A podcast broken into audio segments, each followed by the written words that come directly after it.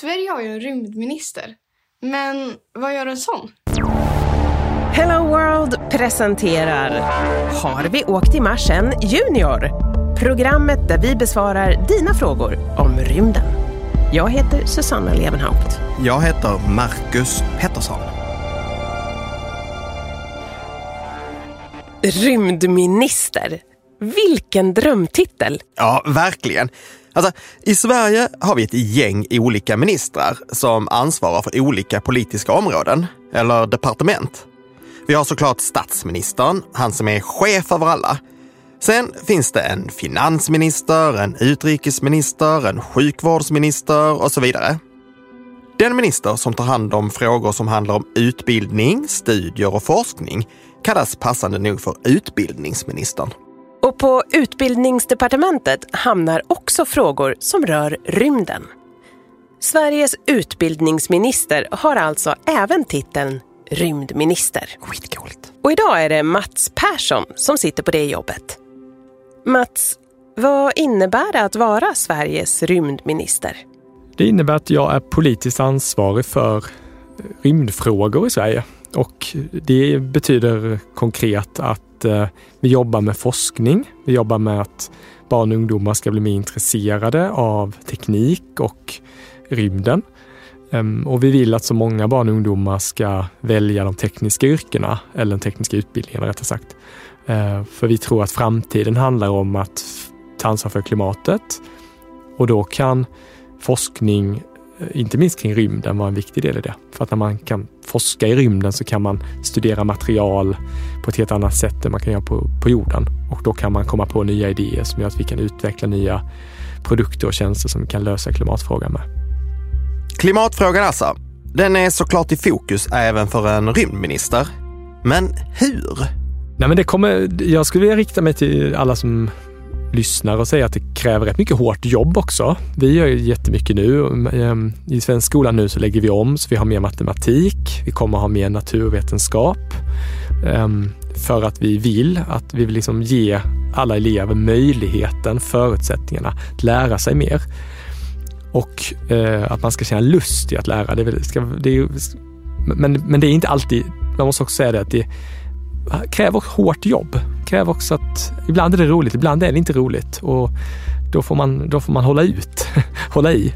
Eh, och, eh, men, men syftet är ju att alla barn och ungdomar ska få eh, göra något roligt när man blir större. Det är ju det som är något som är stimulerande och något som man kan, man kan få en bra lön, man kan, eh, men någonting som gör att man kan känna glädje på jobbet när man, när man kommer upp i åldern så att man ska börja jobba.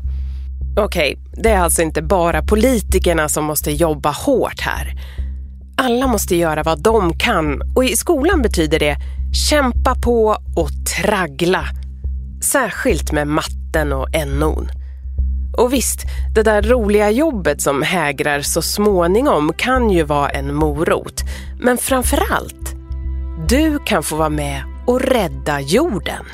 Jag skulle precis komma till det, att om man vill rädda klimatet, vi har en klimatkris i världen idag, om man vill rädda klimatet så är det absolut bästa sättet att göra det är att eh, lära sig eller bli duktig på matte och duktig på teknik.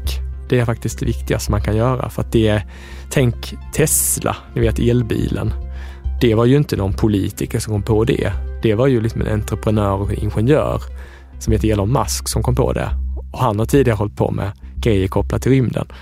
Eh, så att det är ju liksom, det är ju så häftigt, men det är ju det som kommer rädda den här planeten. Att en massa människor kommer på nya, nya produkter, nya tjänster. Ja, visst, kunskap och uppfinningsrikedom, det är nyckeln.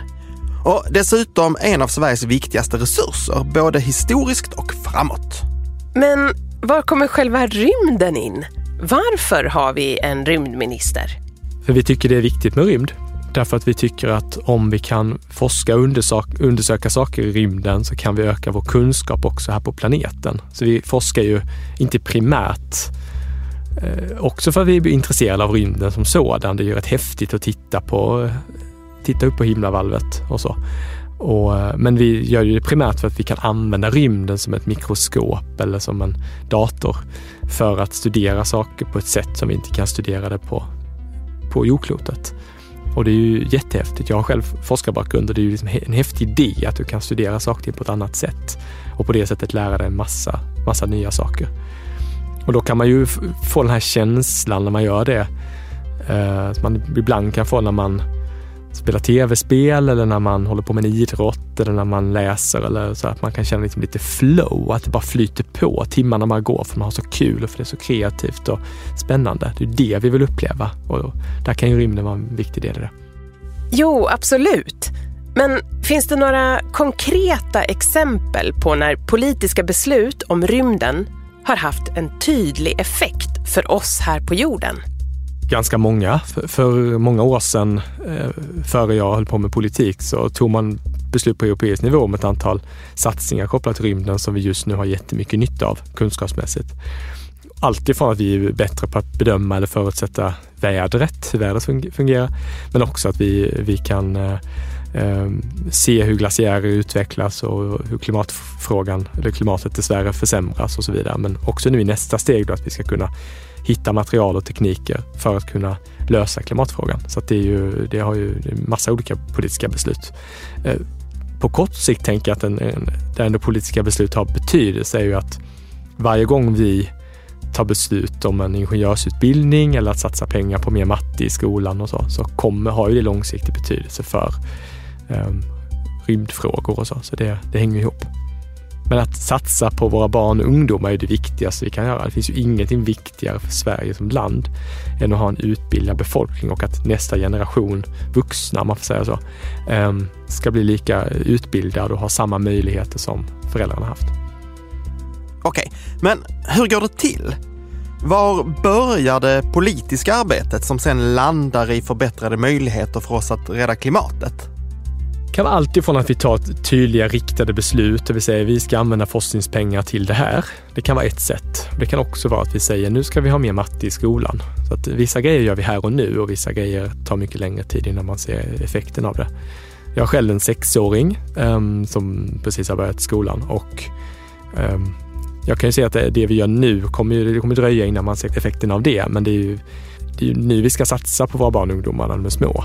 Det är det, ja, de, de är som väldigt kunskapstörstande och det, det gäller ju för alla som just nu går i skolan att vi behöver bli bättre på att motivera unga människor varför man ska lära sig någonting. Och jag tror att rymden, liksom, det är så spännande och att bli duktig på matte för att kunna få jobba med rymden. Det känns som ändå någonting som kan motivera i alla fall mig och förhoppningsvis kanske till och med min son.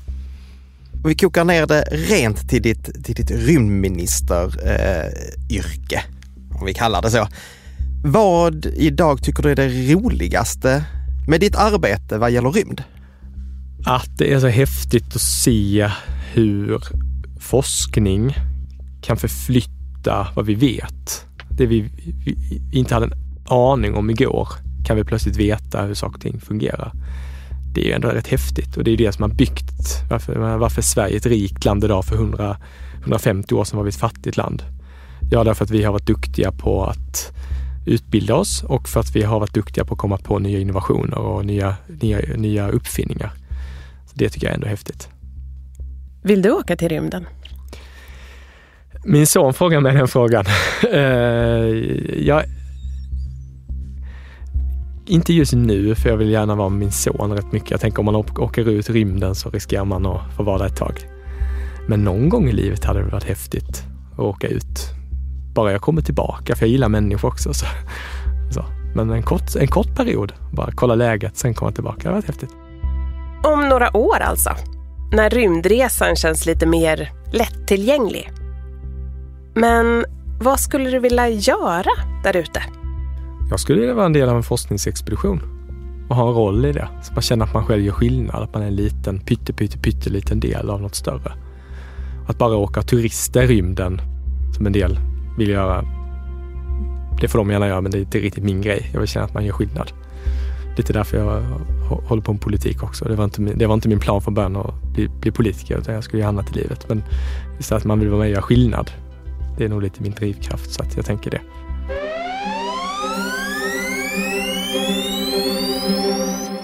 Mats drivkraft är att han vill göra skillnad.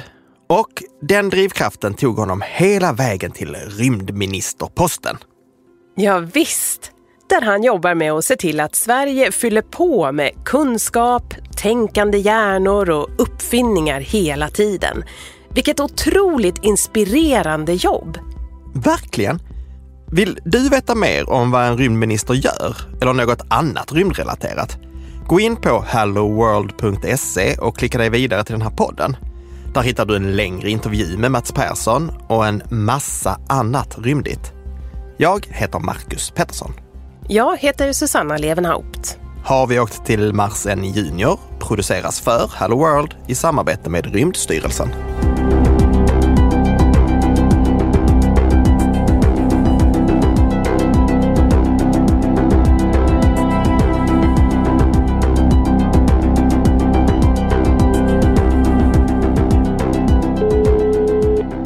Hallå?